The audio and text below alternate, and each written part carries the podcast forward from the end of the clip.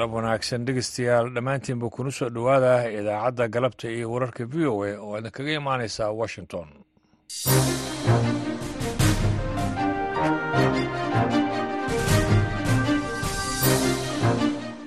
Waa galab jimcaha bisha maarj ee sanadka labada kun afar iyo labaatankana waa kow waxaad naga dhegaysanaysaan mawjadaha gaagaaban ee lix iyo tobanka iyo sagaal iyo tobanka mitrband iyo boggeena v o a somaali com saacadduna haatan afrikada bari waa afartii galabnimo.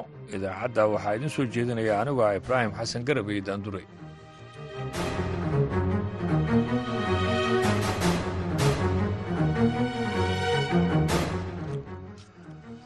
Qodobada aad ku dhegaysan doontaan idaacadda galabtii wararka v o a waxaa ka mid ah barnaamijka faaqadaadda toddobaadka oo ku saabsan xaaladda adeegyada caafimaadka ee soomaaliya waxaan ku qiimeyn lahaa horumar weyna la sameeyey.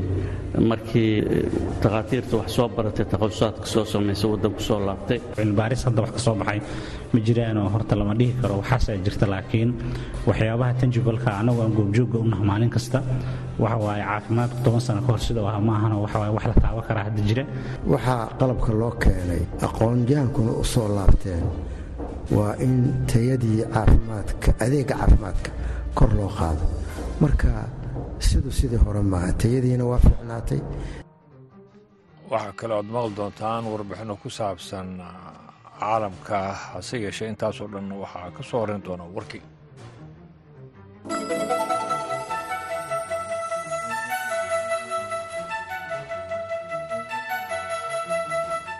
ciidamada israa'iil ayaa rasaasa la sheegay inay ku fureen dad falastiiniyiin ah oo u soo yaacay in ay cunto ay ka qaataan baabuur gargaar siday oo marayay magaalada khaza si markaasi sida ay sheegeen dad goobjoogayaala in ka badan boqol qof ayaa la sheegayaa in lagu dilay qalalaasahaasi taasi oo tirada dhimashada tan iyo markii u bilowday dagaalka israa'iil iyo xamaas ka dhigaysa in ka badan soddon kun sida ay sheegeen saraakiil caafimaadda israa'iil waxay sheegtay in qaar badan oo ka mida dadkaasi ay ku dhinteen isbuurasho keentay fowdo oo ciidamadu ay rasaas fureen oo keliya markii ay dareemeen halisa.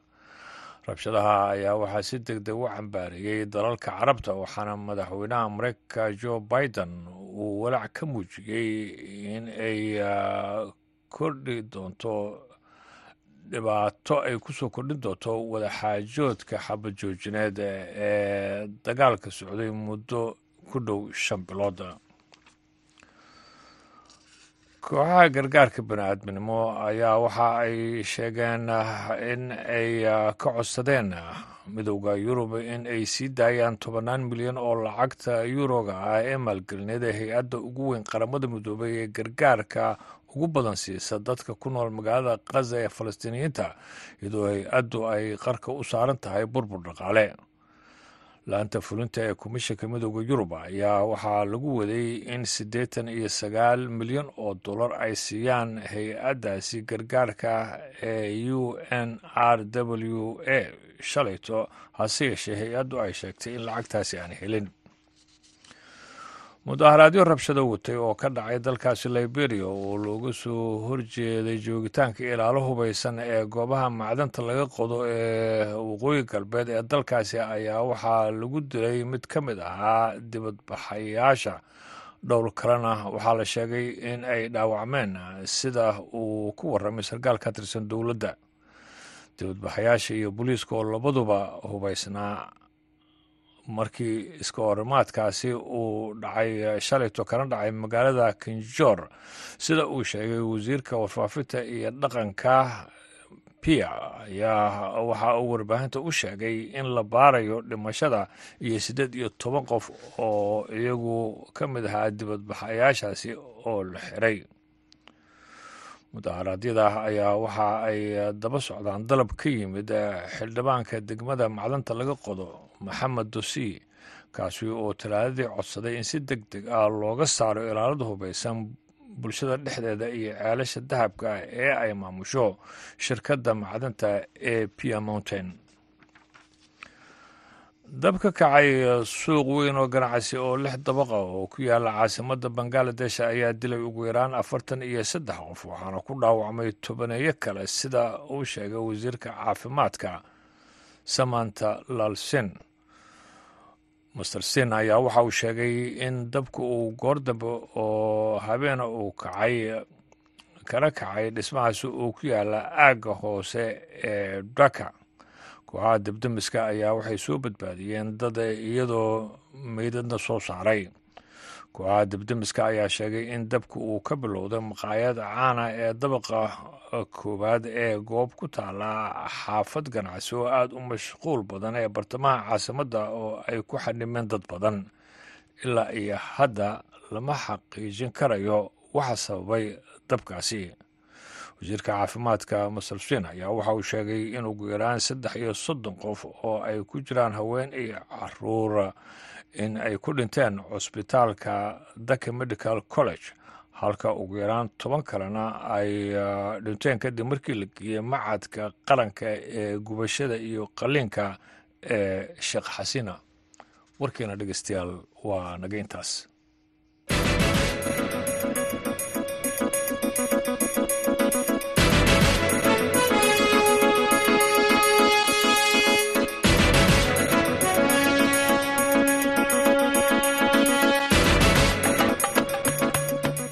galab wanaagsan ayaan dhegeystayaal mar kale idin leeyahay.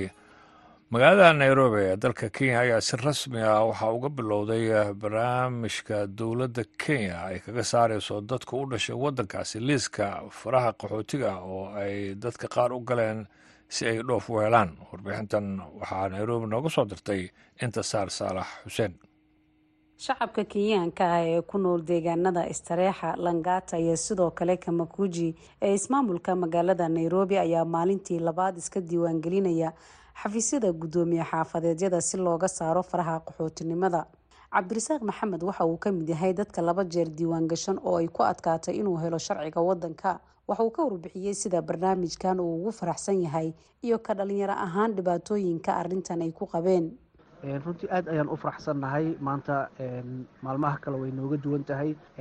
Markii aad fiiriso go'aankii ay ka qaadatay dowladda gaar ahaan wasaaradda arrimaha gudaha muddo waxaan ku dhibanayn si kam ah annagoo u galnay faraha qaxootiga.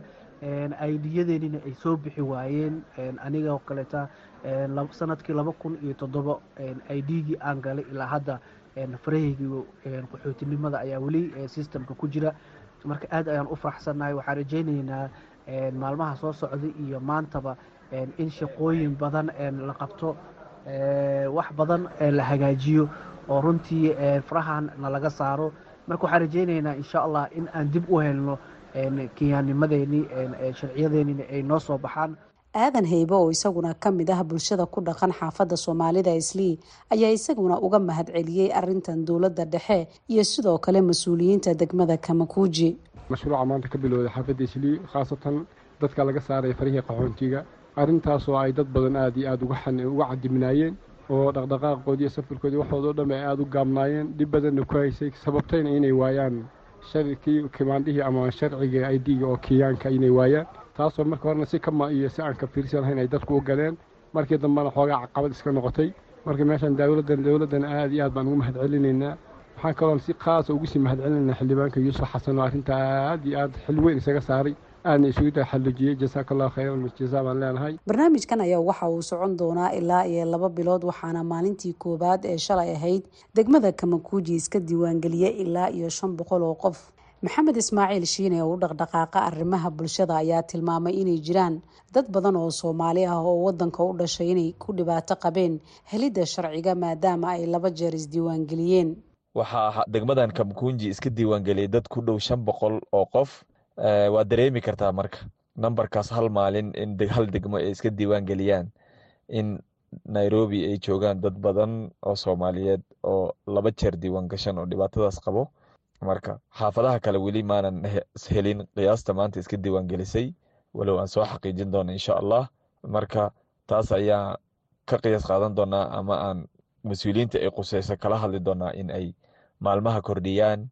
Muddadana lagu daro maalmaha interviewgana la badiyo si joogtaa looga dhigo isbuuci laba mar ama saddex mar hadduu alla diiwaangelinta maalin walbay soconaysaa xafiisyada jiifafkay ka soconaysaa laakiin turxaan bixinta ama interviewga isbuucii hal mar ayuu dhacayaa sida ii xaqiijiyeen guddiga qaabilsan arrimaha diiwaangelinta ama hay'adda qaabilsan.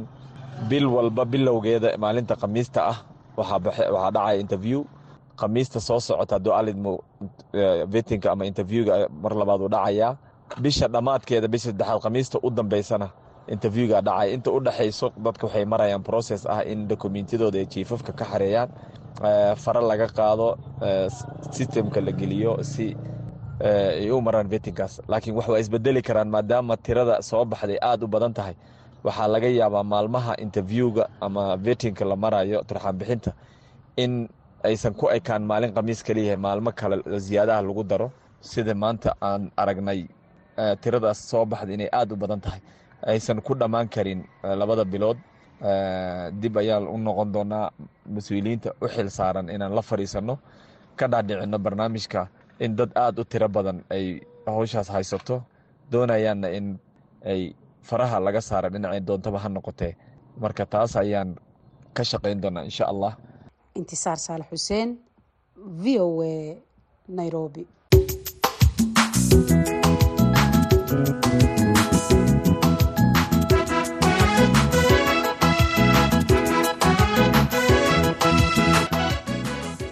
dalalka turkiga iyo talyaaniga ayaa doonaya inay sare u qaadaan galaangalkooda iyo saameynta ay ku leeyihiin afrika xag dhaqaale iyo xag diblomaasiyadeedba. Falanqeyaal ayaa sheegaya in labada dhinac ay fursad u arkaan hoos dhaca ku yimid saameyntii faransiiska uu ku lahaa qaaradda taasi oo abuuraysa wada shaqayn dhex marta xukuumadaha rome iyo ankara. Warbixintan dorian jones ee istanbul waxaa soo jeedinaysa zahra cabdi axmed ansixinta baarlamaanka soomaaliya ee bishan heshiiskii turkiga uu la galay soomaaliya ee ilaalinta badda iyo caawinitaanka dhismaha ciidamada badda ee soomaaliya ayaa ah mid ka mida tallaabooyinka xiriirka ah ee turkigu uu ku doonayo inuu ku ballaariyo joogitaankiisa qaaradda afrika. Sidoo kale ra'iisul wasaaraha talyaaniga georgia meloni ayaa bishii hore wuxuu martiqaad u fidiyey madaxda afrika ee soo bandhiga qorshayaasha lagu ballaarinayo saameynta talyaaniga uu ku yeelanayo qaaradda afrika falanqeeyaasha ayaa sheegay in turkiga iyo talyaaniga ay u arkaan iskaashi suurtagal ah inuu yahay mid qaabeyn kara hadafyadooda. Alesia jitari oo ka tirsan macadka arrimaha dibadda ayaa waxa ay tiri.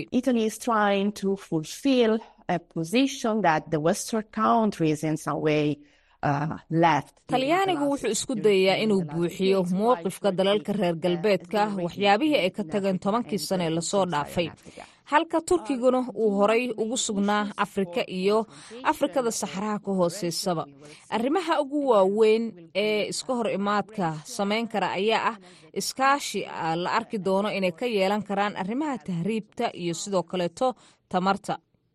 Arrimaha dibadda iyo dabcan horumarka dhaqaalaha ee dalalkan milone ayaa waxa uu la kulmay madaxweynaha dalka turkiga rajeb dayib erdogan bishii janaayo. Wadahadaladooda waxa ay ku saabsanayeen afrika waxaana diiradda lagu saaray iskaashiga libiya halkaasi oo turkiga uu ku leeyahay saameyn weyn oo ay ku leeyihiin saldhig militari dalkan ku yaalla waqooyiga afrika ayaa sidoo kaleeto marin u muhiima waxa uu yahay muhaajiriinta isku dayaya inay ka galaan yurub halkaasi gaar ahaana dhinaca dalka talyaaniga.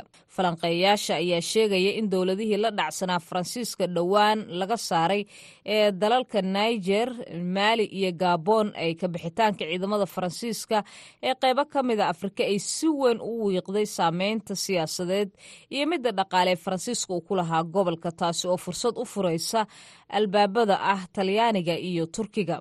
Roma iyo ankara ayaa ka maqan muruqa dhaqaale ee ciyaartooyda kale ee iyagu awooda badan ee afrika sida shiinaha. Laakiinse turkiga iyo talyaanigu waxa ay leeyihiin dhinaca kale dhiirigelin xoog leh oo ay diiradda ku saarayaan meelaha suurtagalka ah ee iskaashiga si ay u ballaariyaan saameynta ay ku leeyihiin qaaradda afrika mahadsan zahre cabdi axmed ayaa soo jeedinaysa warbixintii dorian jones halkaad weli nagala socotaan dhegeystayaal waa washington dalka iiraan ayaa waxa uu qabanayaa doorashooyinka baarlamaaniga ah maanta oo jimco ah haddana su'aasha dhabta ah ee taagan ma aha yaa ku guulaysanaya laakiin tiro intee la-eg ah oo codbixiyaal oo doorashadaasi ka qayb geli doona warbixin arrintaasi ay ka qorto wakaaladda wararka ee a p.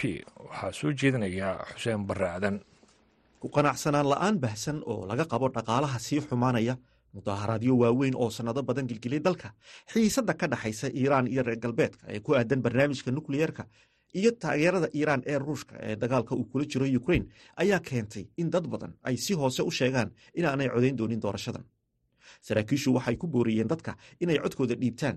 Laakiin waxaa xiise leh in aan wax war ah laga soo saarin sannadkan xarunta codbixinta ee ay dowladdu leedahay ee magaceeda loo soo gaabiyo isba taas oo ku saabsan dadka la filayo inay codkooda dhiibtaan. Laakiin sannadkan lama soo saarin inkasta oo sannad walba la samayn jiray. Koob iyo labaatan qof oo ka mid a iiraaniyiinta oo ay dhowaan waraysatay wakaaladda wararka e a b ayaa shan keliya waxay sheegeen in ay codayn doonaan saddex iyo toban. Ayaa sheegay in ay sidaasi yeeli doonin oo aanay codayn doonin. Saddexna waxa ay sheegeen in aanay weli go'aan gaadhin. In ka badan shan iyo toban kun oo musharax ayaa ku tartamaysa kursi ka mid ah golaha ka kooban labada boqol iyo sagaashanka xildhibaan ee sida rasmiga ah loo yaqaan golaha shuurada islaamka. Shan kursi ayaa loo qoondeeyey diimaha laga tirada badan yahay ee iiraan sharci ahaan baarlamaanku waxa uu kormeeraa fulinta wuxuuna u codeeyaa heshiisyada wuxuuna ka shaqeeyaa arrimaha kale. Laakiin ficil ahaan awoodda buuxda ee iiraan waxay gacanta ugu jirtaa hogaamiyaha sare ee ruuxiga ah ee aayatullah cali khamna'i siyaasiyiinta mayalka adag ayaa xukumayey baarlamaanka iiraan labaatankii sano ee la soo dhaafay iyada oo mar kasta lagu dhawaaqo ameerika ha dhacdo dhowaan baarlamaanka ayaa diiradda saaray arrimaha ku xeeran xijaabka haweenka ee iiraan kadib geeridii mahasa amini oo ahayd gabadh labayo labaatan jir ah oo lagu dilay xabsiga booliska labadii kun iyo labayo labaatankii taasoo dhalisay mudaharaadyo dalkoo dhan gelgilay mudaharaadyada ayaa si deg dega isugu bedelay baaqyo ku aadan in la afgembiyo hogaamiyayaasha diinta ee iiraan. Olole amni oo xigay ayaa horseeday in la dilo in ka badan shan boqoloo qof halka in ka badan labayo labaatan kun oo qofna la xidhay baaqyada lagu qaadacayo doorashooyinka ayaa sii fiday toddobaadyadii la soo dhaafay oo ay ku jiraan kuwa u dhaqdhaqaaqa xuquuqda haweenka ee xidhan. Baaqa qaadacadda ayaa dowladda geliyey cadaadis hor leh. Laga soo bilaabo kacaankii islaamiga ah ee kii culimmada diinta ee iiraan waxay xukunkooda ku saleeyaan taageerada ay shacabka ka haystaan. Hogaamiyaha ruuxiga ee iiraan ayatullah cali khamna'i laftiisa ayaa arbacadii dadka ku booriyey in ay codeeyaan xuseen barre aadan ayaana warbixintaasi soo jeedinayay haatana dhegeystayaal waxa aad ku soo dhowaataan barnaamijka faaqdaada toddobaadka.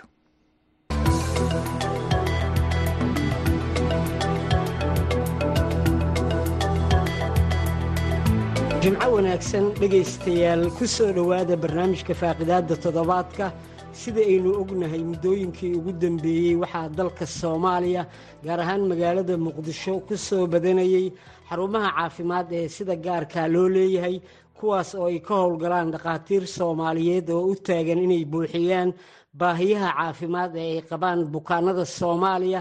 Dhinaca kalena waxaa jirta soomaali badan oo dibadda dalka u aada inay isaga soo daweeyaan cudurro halisa oo aan gudaha dalka wax looga qaban karin haddaba maxaa lagu qiimeyn karaa adeegyada caafimaad ee xilligan ka jira dalka mase yihiin kuwo buuxin kara baahiyaha caafimaad ee muuqda?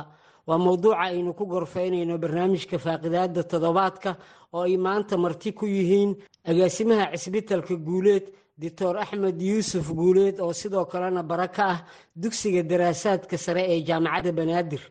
Doctor cabdiweli axmed xiirey oo ah agaasimaha caafimaadka ee cisbitalka banaadir iyo doctor maxamed maxamuud fuje oo la taliyo sare ka ah macadka caafimaadka qaranka. Dhammaantiin ku soo dhowaada barnaamijka su'aasha ugu horeysa haddii aan ku bilaabo doctor guuleed maxaad ku qiimeyn lahayd xaaladda caafimaad ee dalka marka laga hadlayo qalabka yaalla xarumaha caafimaadka iyo cisbitaalada iyo tayada dhakhaatiirta soo baratay xirfadaha kala duwan ee caafimaadka? Ma yihiin kuwo buuxin kara baahiyaha jira xasan kaafi qoysta waa mahadsan tahay barnaamijkan aanugu casuntay. Su'aal xiise le waaye su'aal qiimo le waaye. Waxaan ku qiimeyn lahaa horumar weyna la sameeyey. Markii takhaatiirta wax soo baratay takhasusaatka soo samaysa waddanku soo laabtay ama waddan gudihiisa ka samaysa takhasusaaad kala duwan. Qalabka la isticmaalo hadda isbitaallada iyo isticmaalahan iyo xarumaha caafimaadka hadda yaallo haddii aan kuu soo gaabiyo waxa weeyaan horumar weynaa la sameeyey wax badanaana laga qabtay. Wax badan oo dhimanna waa jiraan. Laakiin runtii wax isbeddel markii loo eego sanooyin dhow ka hor iyo maanta see wax yihiin wax isbeddel weyn ayaa jiro waa mahadsan tahay doctor cabdiweli isla su'aashan. Bismillahi raxmaan raxiim xaskaafi waa mahadsan tahay waana salaama brofesorada brofesor xuja iyo brofesor guuleed runtii haddii aniga aan ka hadla ra'yigayga horta sidii brofesorku u sheegay cilmibaaris hadda wax ka soo baxay ma jiraanoo horta lama dhihi karo waxaasaa jirta laakiin waxyaabaha tanjibalka annagu aan goobjoogga u naha maalin kasta waxa waaye caafimaadku toban sano ka hor sida aha ma ahano waxa waaye wax la taaban karaa hadda jira. Dhaqaatiirta oo soo badatay ha noqoto qalabka ku soo kordhaya waddanka ha noqoto isbitaalada brivatka oo bulshada loo furaa ha noqoto. Waxyaabahaasoo dhan markaan isku darano waxayna tusaysaa caafimaadku inuu horumar samaynayo intaasaan ku soo koobi lahaa waa mahadsan tahay doctor fuje maxaad ku qiimeyn lahayd xaaladda caafimaad ee dalka marka laga hadlayo qalabyada casriga ee dalka yaalla tayada takhaatiirta iyo awoodda loo leeyahay in la buuxiyo baahiyaha caafimaad ee dalka ka jira? Bismillaahi raxmaan raxiim waxaa qalabka loo keenay aqoon-yahankuna u soo laabteen waa in tayadii caafimaadka adeega caafimaadka kor loo qaado.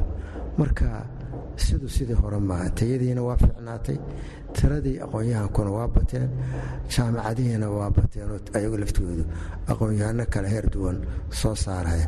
Marka waxaa la rabaa uun waa kalsoonidii dadka laakiin si baahi loo daboolo waa kaafiya kala dheeri.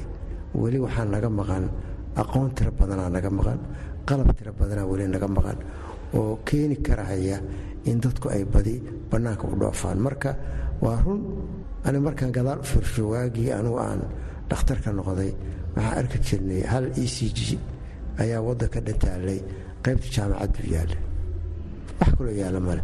Maantana isbitaal iyo klinig usan oon e c g ma jirto. Dad badanoo wada yaqaano akhrinayaana waa buuxa hadda waxaan ka hadlaynaa waa ct scan iyo m r i iyo ecocardiography iyo catlab iyo cilmigu waa kordhay aqoon-yahan intaas yaqaana oo intaba samayn karaana waa jiraan.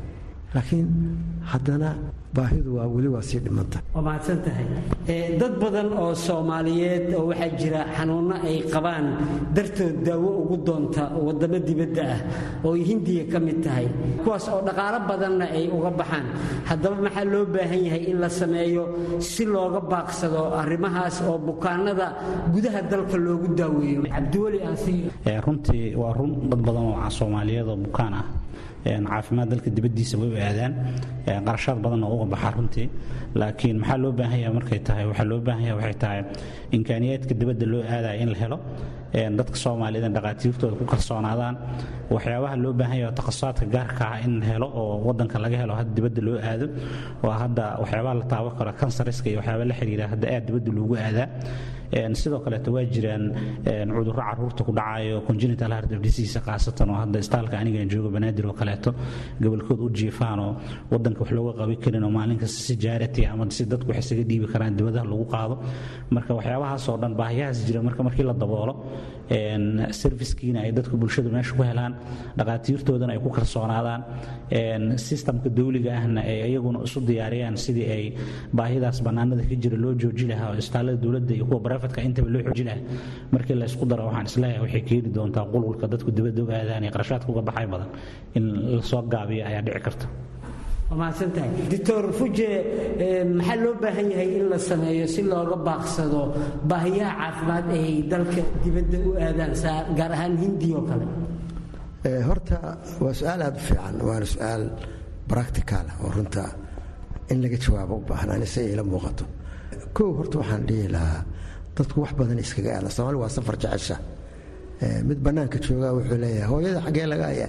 Jili baa laga hayaa? Hindiyaha loo diro laba boqol oo milyan ugu yaraan oo dollar ayaa nooga baxdaa health tourismka iyo ka badan. Waddankan waa lagu daawey marka horta dadku kalsooni darro jirta iyo waxa yaalla oo awooda ya oo aysan la socon. Waa qodobka koowaad. Qodobka labaad waxaa weeye dhakhaatiirta laftigeedu competitiona ka dhexeeya marka dhakhtarku intuu dhakhtarka kale u rifeergale lahaa wax asagu uusan hayn oo qalabkeedu uusan hayn ayuu laftigooda wuxuu leeyahay bannaanka aad wax kale looga qaban kare. Kalayantigasus qof kale u badan. Waxaa jira kuwaan dhakhaatiir ahayn. Waxaa jira hay'adaha agenciyada oo tigidyada gooya tigidyada gooya ayaa laftigooda waxay leeyiin viisadu waa sahlan tahay maxaa halkaa isku wareerina dhakhtar habeen dhakhtar waxaan warkooda faraha ka qaadeen xaggaada hortaas waa qodobyo qodobada kaloo muhiimka waxay tahay cudurro badan waxaa jirta weli aqoonteenna iyo qalabyada noo yaalla aysan weli dhammaystirnayn sida maalanba kansarka oo kale maanta kansarka nuuciisa tirada badan leh qaar waa la daweyn qaar badan la daweyn karaa jira iyo dadka ku imaanay iyo daaweynta laftigooda qaar waxaa u baahan kiniinyaal la siiyo iyo cirbado lagu duro kaliya maane in la sameeyo raajo lagu daaweeyo oo kalaa jira. Ama qaliino tiro badan oo xoog badan u baahan. Dhabarka dhibaata hadday ka jirto tiro badan oo dhan. Waxaa laga yaabaa aqoon saa'id iyo saa'ida oo badan oo jirta. Horta waxyaalaha loo aadaya ayaguna waa kuwaas. Maantay wadnihii weli in la furo bannaanka lagu daawayo open heart surgery weli ma aanan gaarin marka waxyaalo waa jiraana weli aqoontoodu naga dhiman tahay. Qaarna annagoo aqoontii lahaa dadku ayagu ay bannaanku aadayan marka waa waxyaalo badanoo isku jira.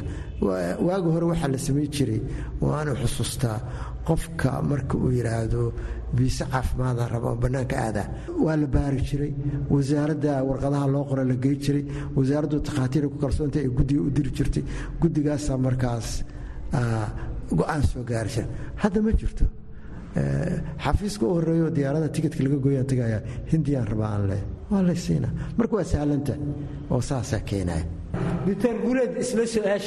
waa mahadsantaha xasan arrintaas arrin xaqiiqaha u jirto weyaan in bukaano badan dibadda hindiya turkiya iyo maleysiya inay meelo badan caafimaad u tagaan. Horta laga maarmahay in dibadda la aado. Maxaa yeelay waxaa jirta baahi badan oo xagga caafimaadka oo innaga gudaha dalka aan waxba looga qaban karin. Sida hadda borofesor fujo carabaabo kale hart surgerygoo kale. Ama macnaha qalliinka wadnaha obinkaha ama bedelka sambabkoo kale haddii la bedelahayo kale ama beerka haddii la bedelahayo kale ama muxuua sida takhaatiirta hore u sheegeen daaweynta kansarka oo kale. Waxyaalahaas oo dhan weli ma aanan helin suurtagal nooma noqonin in gudaha lagu qabto. Laakiin waxaan rajaynaya sanooyinka soo socdo in dadkii aqoonta u lahaana ay soo baxayaan takhaatiirtii qalabkii lagu baari lahaa ama wax lagu qali lahaa ama diagnostic lagu samayn lahaana in la helahayo marka maxaa la samayn karaa? Waxaa la samaynhayaa in takhaatiirta lagu dhiirigeliyo waxyaalahaas naga dhiman inay soo bartaan.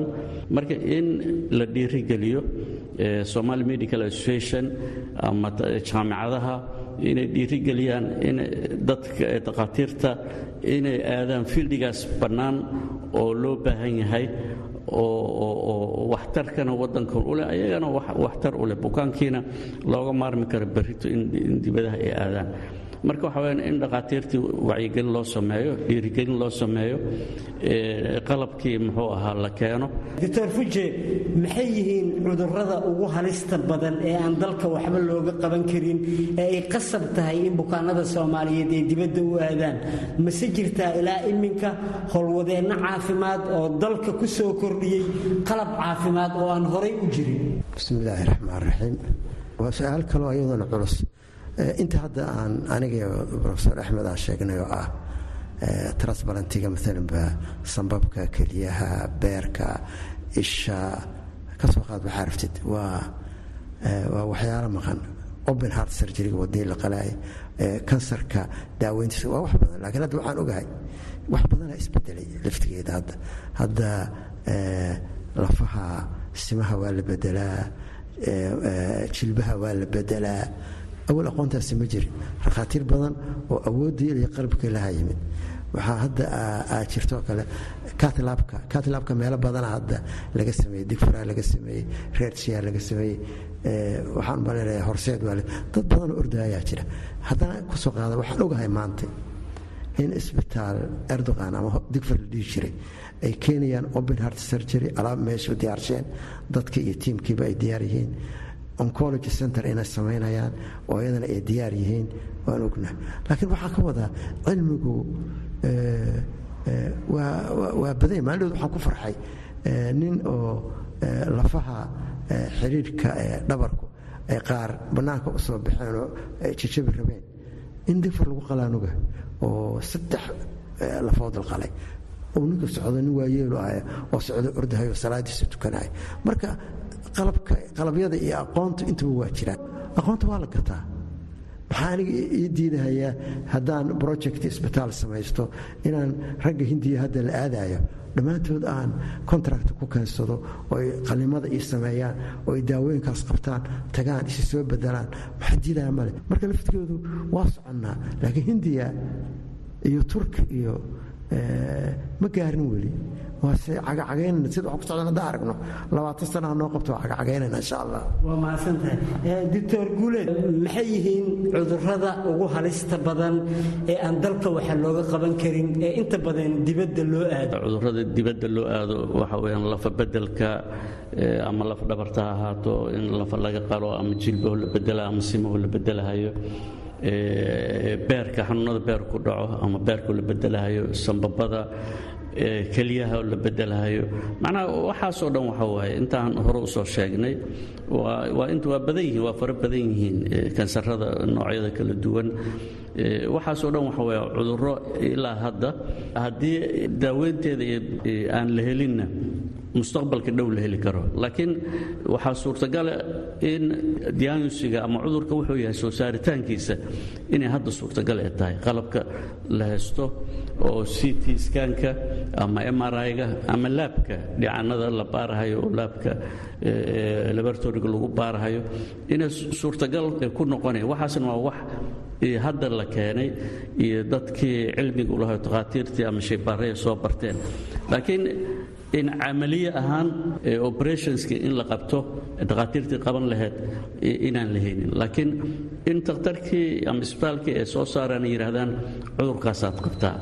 Cudurro badan in la bedelo jilbaha lagaa bedela u baahan tahay in simanka lagaa bedela u baahan tahay beer cusubaa u baahan tahay sambabkaada sambab cusubaa u baahan tahay wadnahaada waxa qalliinu u baahan yahay. Inaan heli karro hadda qalabkii lagu samayn lahaa diagnostiga waddan gudihiisa laakiin shaqadii la qaban lahaa inay naga dhiman tahay iyadana waa la gaarahayaa.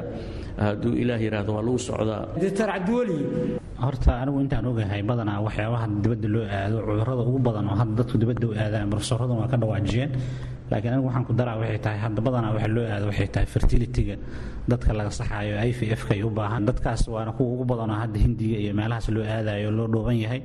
Waxaa kaloo jira annagaan aragnaa maalin kasta kaysas ah acute hen failure ilmaha yarka develop gareeya oo toddoba sano ka yar. Soomaaliya wax looga qabanaa maana xataa diyaalisada ma qabanayan xarumaha leh marka ayaga laftirkooda waxyaabaha dibadda loo aadiya ku jiraan kuwa kalena waa kuwii barofesorada hore u sheegeen oo wadnihii iyo keliyihii iyo beerkii iyo kurtigood kuwaasoo ayaga laftirkooda u baahan in la wada bedelo ama meel furneed la xiro. Marka runtii cuduradaas waa wax bannaanka loo aadayo waana duruufo jira waxa lagu aadaya iyagana waxaan rajeynaynaa insha allah in duruufahaasi mar dhow laga soo qabsado oo daraskii ay barofesor oo daraseen aan dhinacayga ka ahay ama toban sana ha qaata ama labaatan sana kulleyta waxaan rajeynaya siday ku socoto markii la fiiriyo. Iyo soomaalidu imkaaniyaadka ay soo gadanayaan qalabka la keena ama ganacsata ha keentay ama dhakhaatiir ha keentay inay isbeddel insha allah altaabo kale ay dhici doonto. Dhegaystayaal haddii aan idin xusuusiyo intiina dhowaan nagu soo biirtay weli waxaynu ku dhex jirnaa barnaamijka faaqidaada toddobaadka oo aanu ku eegayno heerka ay marayaan xilligan adeegyada caafimaad ee dalka ka jira iyo siyaabaha lagu buuxin karo baahiyaha caafimaad ee taagan. Waxaana barnaamijka marti ku ah oo ka qayb qaadanaya agaasimaha cisbitalka guuleed doctor axmed yuusuf guuleed oo sidoo kalena bara ka ah dugsiga daraasaadka sare ee jaamacadda banaadir doctor cabdiweli axmed xiirey oo ah agaasimaha caafimaadka cisbitalka banaadir iyo doctor maxamed maxamuud fuje oo la taliyo sare ka ah macadka caafimaadka qaranka. Aan u soo laabta barnaamijka. Meelo ka mida gobollada dalka iyo caasimadda muqdishoba waxaa ku soo badanaya xarumo caafimaad oo cusub kuwaasoo qaarkood ay furteen dad aan ehel u ahayn caafimaadka ama aan ahayn dhakhtar buuxa dad badan ayaa fayl u gala xarumahaasi waxaana dhacda halkii ay caafimaad raadinayeen inay waxyeello kala kulmaan.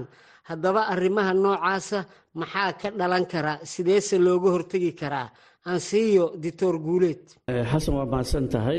Arrintaa waa arrin wax ka jiraan in jiri karaan muxuu ahaa goobo dad ehel aan u ahayn caafimaadka ama waxay qabanhayaan furtaan laakiin taa waxa weeyaan waxaa iska leh wasaaradda caafimaadka ayaa iska leh iyo guddida muxuu aha hadda loo sameeyey inay qiimeeyaan shahaadana bixiyaan shahaado asale ciddii haysata ee rugsad siiyaan oo ku shaqaysto wasaaraddu waxay u dhisan tahay waxa weeyaan in waxaa ka mida waxyaalaha inay xaqiijiso siyaasadda lagu shaqaynayo inay dejiso.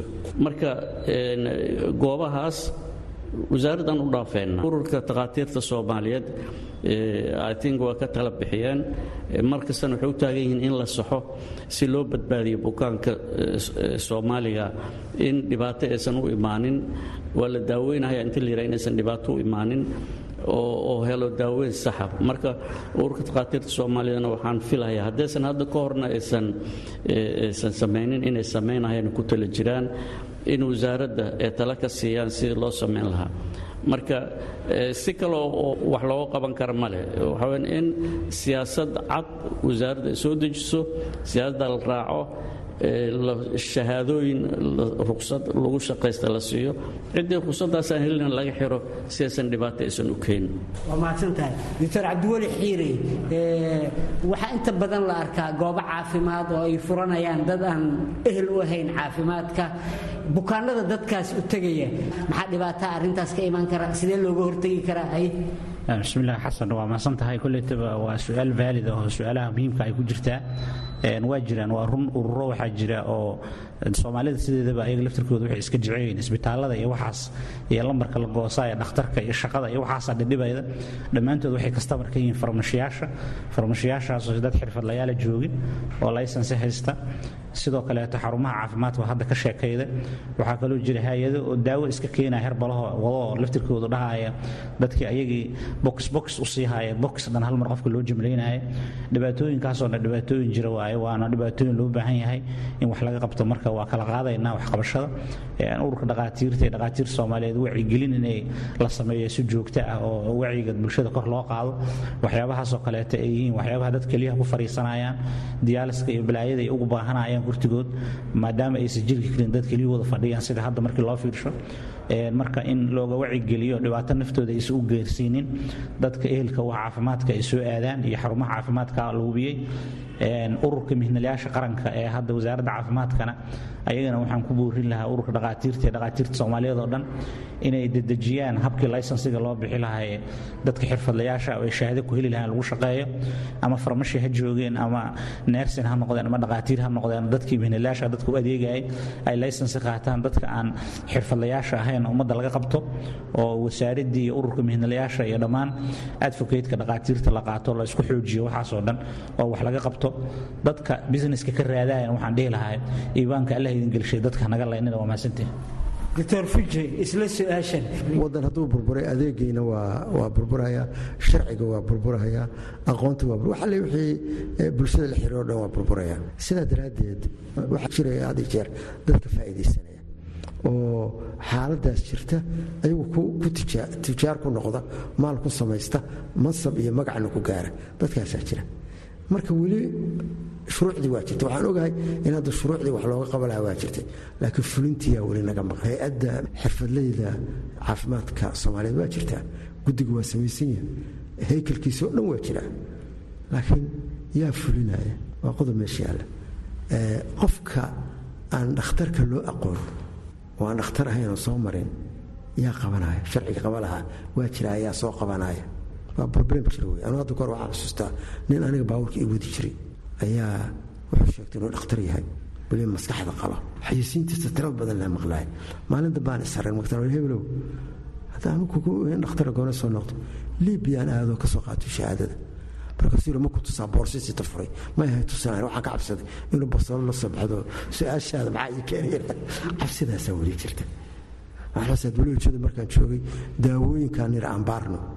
daawooyina suuqa tagna waa ka baarnay. Waxaan ogaanay inay feeg yihiin. Yaa u sheegnaa? Ninkii aan ka soo maa u sheegnaa oo shirkadda keeni jirtay? Biliiska maa u sheegnaa? Cidaan u sheegnaa garaweyn nafteenaan wax habsannay marka waxaa jirta sharciga fulintiisaa weli maqan. Maalin kastoo waad maqlaysaa waxaasa iska jira. Marka horta qofka aan dhakhtarka ahayn ee meelaha inta furta beenta sheegaya cimrigiisu waa gaaban yahay. Marka khaladaadkiisuna waa badanaya oo dadku markay arkaan waa ka leexanaya side effectiska daawada lama yaqaano. Korsho daawahayo bac weynaa loo buuxshay keliya waa fariisteen gaasaa ku dhacay alerjiyaa ku dhacday. Markaasuu dhakhtarkii aadaya markaas kadib mar dhibaato gaartay. Marka waa run wacyigelin waa loo baahan yahay shuruucda wadankana in la hirgeliyaa loo baahan yahay laakiin midownagow wax anaga kow nagu ah maahan. Waddan kastoo burburay sidaasaa haysata doctor cabdiweli haddaad tihiin dhakhaatiirta soomaaliyeed ee sida joogtada xarumahooda caafimaad bukaanada u yimaadaan waxaa inta badan laydinku xantaa fulay xantiisa ma moogaa la dhahay inaad dadka lacag ka samaysaan oo aad qaadataan lacago laakiin bulshada aydnan wax ku soo celin. Maxaa diidan in jadwalkiina shaqo aad ku darsataan maalmo gaara oo dadka taagta daran ee aan dhaqaalaha haysan ama aan awoodin ama barakacayaasha? Aad si lacag la bismillahi raxmaan raxiim horta anugu istaal babligan ka shaqeeya. Ma aaminsani runtii dhakhaatiirta horta xarumaha brivatka horta laftirkooda culayskooda haysta. Shaqaalay leeyihiin dhakhtaray leeyihiin kurtigooda leeyihiin dowladna wax kama dacmido. Marka waxay ku qasbayeen inay dadka u adeegaan dadkuba hadeertan sidii hadaayitan ka dhawaajeen hindiya ay aadaana waxay ku bixiyaan lacag aad u fara badan. Xarumaha caafimaadka hadda jira brivatka ahna ayagaa public private partnershipska markii loo fiiriyo servicekay qaadaan iyo khidmadda ay qaadaan iyo servicekay bulshada u qabtaan isma lahan. Waxaan is leeyahay aniga waxaa badan serviceka bulshada loo qabtaa ka weyn khidmadda loo qabto. Markii loo fiiriyo waddamada anaga nagu hareeraysan ama kuwa safarka loo aado intaba marka waa jiri karaan dhaliilahaasoo dhakhaatiirta waa qaban karaan dhakhaatiirta senioriska ama waaweyn ama takhasusaad kale. Maxay xilliyada gobol istaalada brivatka publiga ah brivatka waaba lagu arkay. Saacadaha gobol maxay ugu tacaawumi waayeen dadka publiga u fariisa waayeen. Eedaas dhakhaatiirta waa qaban kartaa laakiin waxaan is leeyahay khidmadday qaataan darteed eed kuma qaban karto maadsanta doctor fuje isla su'aashan. Dhakhaatiirta soomaaliyeed inta badan waxaa la yidhaahdaa lacagay qaataan laakiin bulshada wax kuma soo celiyaan. Waxaa jira dad badan oo dhibaataysan ama qalliimo u baahan ama daawooyin nooc kale u baahan laakiin aan awood lahayn oo lacag maxaa diidaya in dhakhaatiirta sida joogtada ah loogu yimaado xarumahooda caafimaad inay maalmo gaara u sameeyaan dadka taagta daran si ay ugu samafalaan waa su'aal fiican waana eed na qabato waay laakiin waa ka jawaabaynaa. Ururaan leenahay ururka dhakhaatiirta soomaaliyeed. Waxaan u malaynayaa gurmadyada ay sameeyaan cid samaysaa inaysan jirin lacagaha la iska aruursho diyaaradaha la raaco daawooyinka la keeno wakhtiga lagu baxsho meelaha in la aado in la sheegay u baahanta. Waxaan aaminsanahay oo kale nin dhakhtarihi maantay oo soomaalihi haddii qof inta hortiisa yimaado lacag haysto inuusan gadaal u celinayn waxaan ogahay anugu waxaan samayn jiray maalin dhan baa waxaan yidhi waa lacag la'aan. Intaas si aan dadka aan lacagta lahayn loogu sameeyo. Amar waxaad siinaysaa shaqaalahaaga qofkii yidhaahdaa wax ma haysto soo daaya marka in xarun la tago iyo inaad taada ku samaysid waa isla sidii. Gurmad culus markuu dhacana inaan ka qayb galno ammaan aan ku helno ninta dambena dhowr boqol oo doolara layska aruusha marka la yidhaahdo waxaa jira fatahaadda beledweyn waxaa jira baardheer kuwii dambeeyey gadaal lagu laabo miidiyadu waxay qortay iyo waxay samaysay. Intaasba waa dhakhaatiir intaasba waa samafal. Marka fiqitulkiis kama janno tago ummaddeennayaan ku dhex jirnaa ummaddeenna waxbaan u qabanaa waxayna la qaybsan gartana qabataa waxay tahay isbitaaladka bablikada ah. Maxaa u tegi weyse isbitaalada bablika hadda sahal laguma tago laftigeedu fasaxay u baahan tahay. Anuu ma ogi hadduu qof yidhahdo waa iska tegayaa in layska soo dhowaynayo yaa sababto dhakhaatiir adiga kula mida oo takhasusada ilaha jooga. Haddaa sinior ka sii tahay si kalaa laysku arkiraa dadku waa iska xaaladuhu xaalada waddanka ka jira ninku dadku mogtahay waxna waa ku dhiirinaysaa waxna xoogaa waa kaa karsan. Marka dadaalku ma yaraa laakiin soomaalidu inay wax sheegtay iska jecesha iyagoon kaa warqabin nimaan kaa warqabina kaa warbixinaya siduu kuu arko kuu sheegaya sadaqa waa lala baxaa aanu u malaymaayo isbitaal aan sadaqa laga bixin jirta. Dhakhaatiir qalliin samaysaa jirta qofkan aan shilay laga qaadin. Waa mahadsantahay doctor fuje anuu imaado doctor guuleed. Doctor guuleed haye. Xasan waa mahadsan tahay waa su'aal meesha ku jirta. In laga jawaabana mudan horta haddii la yidhahdo takhaatiirta lacagay iska gurataa aniga ma qabo arrintaa inay sax tahay inta badan. Maxaa yeelay takhaatiirta markaad aad isbarbar dhigto waddamada dariska aan nahay siday u shaqeeyaan iyo sidaan u shaqayno waxaad arkaysaa oo kuu soo baxahayo si cad kuugu soo baxahayo in takhaatiirta soomaalida waxa ay qaadaan iyo waxa wax ku baaraan inay aad u yartahay. Waxaa laga yaabaa dakhtar takhasusi ah oo takhasus leh oo nairobi jooga. Haddaad u tagto araggiisa inuu yahay afartan dolar qaarkood lixdan dolar inuu yahay. Meesha dhakhtarka halkan jooga lix dolar ama kan ugu badan oo toban dolar uu qaato araggiisa dhakhtarkii waxa weyaan keligiis ma shaqaynahayo. Markuu isbitaal joogo kale private uu joogo intaasoo nersaa joogto intaas lab technician joogto intaas dhakhaatiir kalea joogto intaas farsamadii kaleeto iskaankii ultrasoundkii dadkii sbeshaalistaha wuxuu qabanahayoo dhan. Waxa weyaan waxay wax ka sugahayaan waxaa lagu shaqaynayo marka siday la moodahayo qofka bannaanka ka joogo ma ahan inta badan dhakhaatiirta wax ku sheega nooc ka mida volunteer inay tahay ayay ku shaqeeyaan. Midda la leeyahay maa la sameeyo maalmo mucayana maalin kastaan samaynaa maalinta ugu yaraato toban dhowr iyo toban qofaan bilaash ugu shaqaynaa shebaara loo diraa lacag ma haysto. Halofirya loogu sameeyo. Raaja loo diraa skana loo diraa altrasawna loo diraa ma haysto. Friha loogu shaqeeyo. Marka waxaa weyaan dad badan oo masaakiin oo xeryaha ka yimaado ama magaalada jooga oo waxba hoysan ayaan firi ugu shaqaynaa dar ilaahay ugu shaqaynaa annagoon cidna u sheeganin. Ugu dambayntii doctor fuje maadaama aad ka mid tihiin dhammaantiin dhakhaatiirta ugu magaca dheer dalka muddo badan soo shaqaynayay maxay tahay taladiinna ku aadan sidii loo horumarin lahaa caafimaadka dalka ee aad u soo jeedin lahaydeen guud ahaan bahda caafimaadka oo ay ku jirto wasaaradda? Horta horumar markii laga hadlaayo caafimaadka waa arrin bulsho waay sidaa daraaddeed waa roolka wasaaradda caafimaadka. Wasaaradda caafimaadkana dadaal kuma yaraa. Marka haykalka caafimaad in la hagaajiyo shuruucyaha caafimaadka daryeelayana in la hagaajiyo la fuliyo in tababaro badan kaadirinta caafimaadka oo kor loogu qaadayo aqoontooda la sameeyo wacyigelin badan oo bulshada la socota in la sameeyo tallaalka in meel walba uu yaalo dadkana ay fahmaan in tallaalku yahay ka hortaga cudurrada tusaale yaraa soo qaaday. Dadku waxaysan ogeyn. Cudurro kansar ah oo dadka ku dhaca oo tallaalka looga hortagaa jira. Haddii qofka tallaalka u qaato cudurkaas kansarku kuma dhacay. Waana kuwa ugu daran ugu khatarad badan wadankeena sida matala kansarka beerka oo kale oo hebataas biiga u keeno. Tallaalu leeyahay waana yaallaa waana lacag la'aan. In la qaatay u baahanta kansarka ku dhaca minka afkiisa cervical cancer. Ya? Tallaalu leeyahay tallaalkii waa la heli karaa. Marri waa la keeni doonaa. Insha allah barri rag ku soo jira. Shubanka koleerada rotaviruska tallaalay leeyihiin. Haddaan ku sii daro xiiqdheertii tbda gowracatada teetanaha dadka ma qaadanayaan markaasaa maalin kasta waxaa lagu keenayaa dad cudurrada. Marka waxaan rabaa wacyigelin xoog badan in la sameeyo. Bulshadana waxaan ka codsan lahaa bulshada inay dhagaheeda furto oo ay macluumaadka la siinayo ogaato. Wasaaradda caafimaadka marka iyo inta la shaqaysaana waxa weye health systemka wadanka lixdiisa billion blocks in la hagaajiyo oo lagu dhaqaaqo oo ay meel walba u gaaro caafimaadku. Dad waxaa arkaysaa rugo caafimaad aan lahaynoo say rug caafimaad u tagaan. Saddex maalmood lugeynaya ama rati lagu qaadayo dhimashada caruurteenna iyo dhimashada hooyooyinkeenu arki jiraan.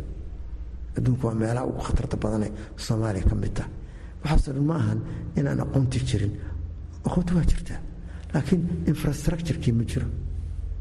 Marka shaqo dheeraa noo hartay inaan dadaalnana waa tah dhaliishaasna waa dhaliil macquula oo la ogolyaha waay doctor guleed maxaa tala ah bahda caafimaadka u soo jeedin lahayn guud ahaan si loo horumariyo tayada caafimaadka soomaaliya? Maxaa lagu talin lahaa? Dabcan waxa weyaan markii la yidhaahdo see loo horumarinhayaa caafimaadka. Waxaa iskale dabcan takhaatiirta doorkooda waa iska gaaban yahay. Waxa weyaan in la sameeyo awareness macnaha wacyigelin wacyigelin in la sameeyo dadka wax loo sheego cudurrada faafo sida layskaga ilaalin lahaa meelaha muxuu ahaa cudurrada laga helahayo bukaanka in dhaqsi. Markuu calaamadii isku arko dhakhtarkii dhaqsi u tago si uusan cudurka u sii fidin. Inay iskala ilaaliyaan dadka cudurrada faafo aysan isku dhex noolaanin. Waxaas waxa weeyaan wax ururada caafimaadka maynilayaasha caafimaadka iyo takhaatiirta ay samayn karaan laakiin istraatiijiyada lagu horumarinhayo ama lagu wanaajinhayo caafimaadka waxaa iskale wasaaradda caafimaadka. Wasaaradda caafimaadka waa inay policy istraatiiji toosan oo kor u socdo aan hoos u soconin macnaha garaafkiisa oo kor u socdo marba wax la bedelahayo marba horumar la samaynahayo waa in wasaaradda la timaada wasaaradda marka iskale bolisigaas inay diibso laakiin intaan kale waxaa ku filan wacyigelinta iyo waxusheegidda iyo kala saarida dadka iyo waxaasoo dhan waxa waa waxaan ku filannahay dadkeenna miinilaasha caafimaadka oo aan qaban karno. Doctor cabdiweli xiray maxaad ku talin lahayd si caafimaadka horumar uu u gaaro? Xasan haddaan taladeeda ku daro brofesorada hadalkooda waxa waaye horta wadanka waxaaba horumarka kow asal waa shuruucda kow ka ah. Marka waxaan is leeyahay haddii shuruuc la helo wasaaradda caafimaadka ayaa boodhiga ugu weyn caafimaadka ugu sarreeya. Ah marka shuruucaha iyo nidaamka hadda ururka mihnadayaasha qaranka oo kaleeto maalmo dhoweedoo dhan wuxuu ku jiray shiraruu ku jiray oo wax lagu horumari rabo wasaaraddana shuruuco badan oo istaraatiijiyadeeda ku saabsan ay dhowr jeer ka hadashay.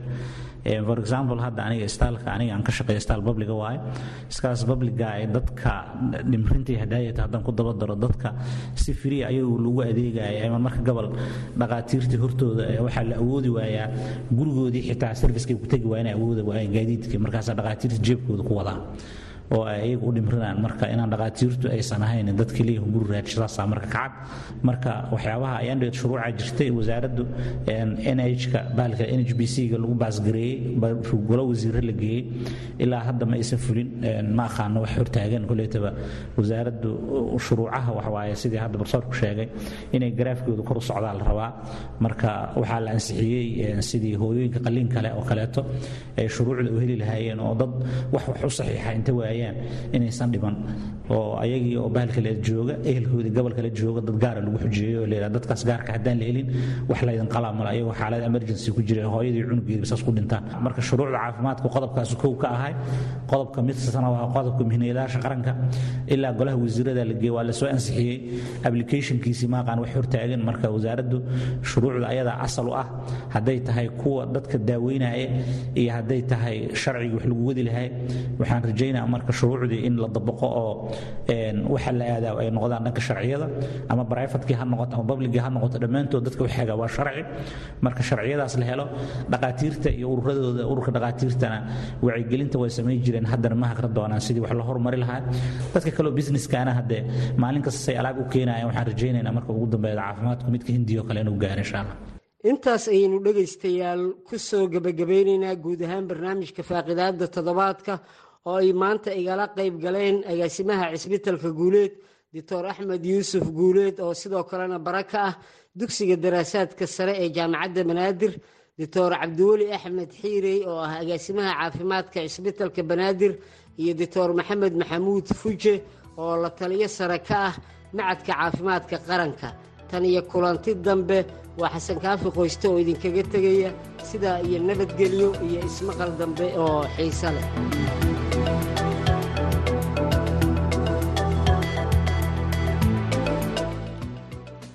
haatana dhegeystayaal waxaad ku soo dhowaataan umuuraha islaamka waxaana soo jeedinaya cabdixaafid cawal ismaaciil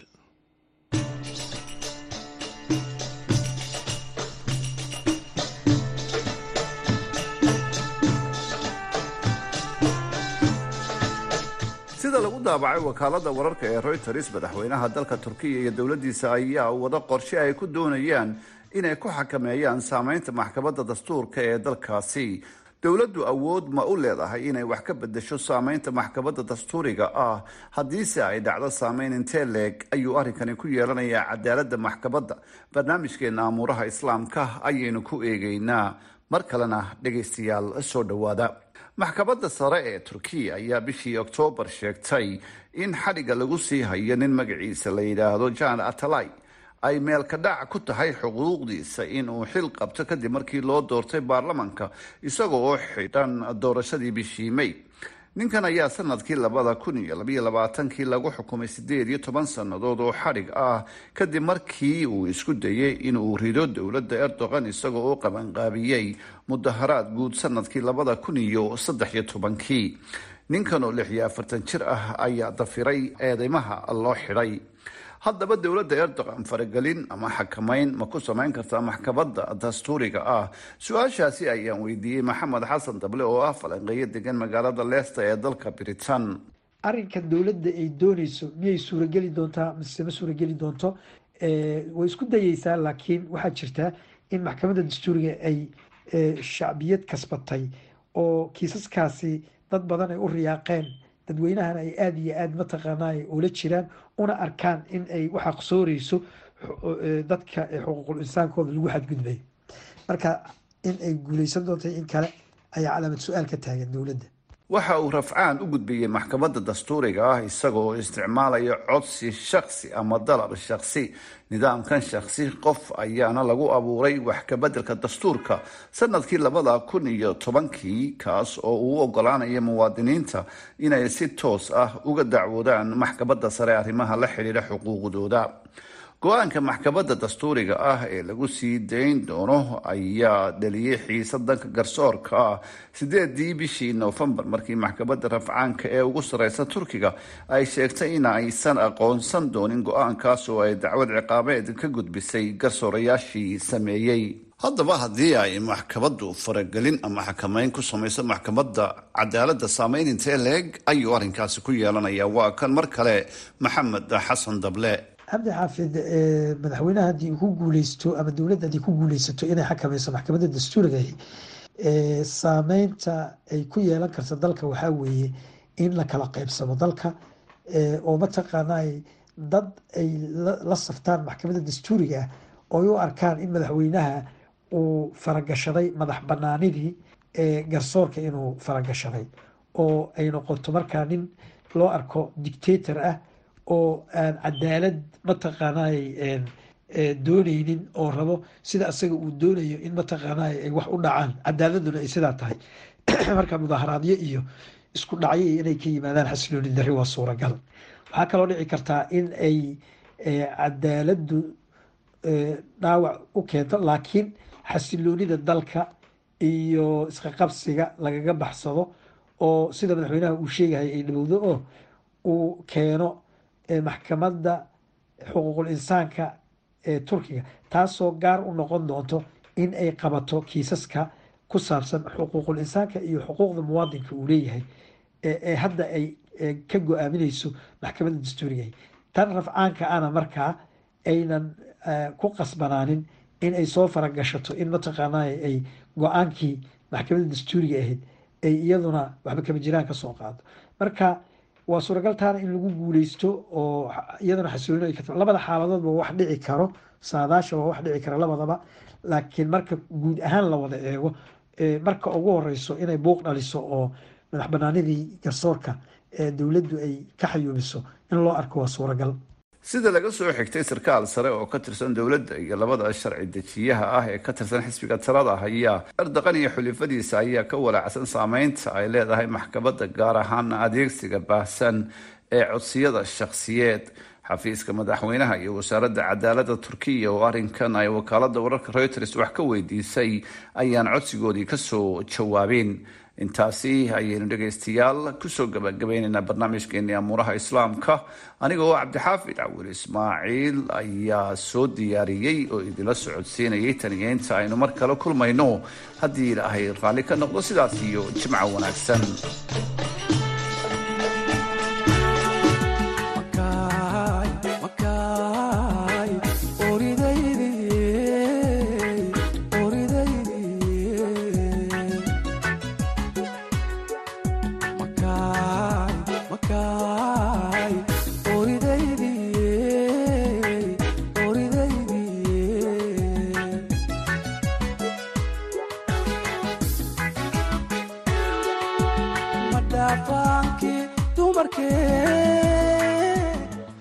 heestaasi makaay uu qaaday maxamed ah, xasan lafalo wuxuu ugu dambeysay idaacaddeena galabta iyo wararka v o a oo anigoo ah ibraahim xasan garab iyo daanduray oo idinla nabadgelyo.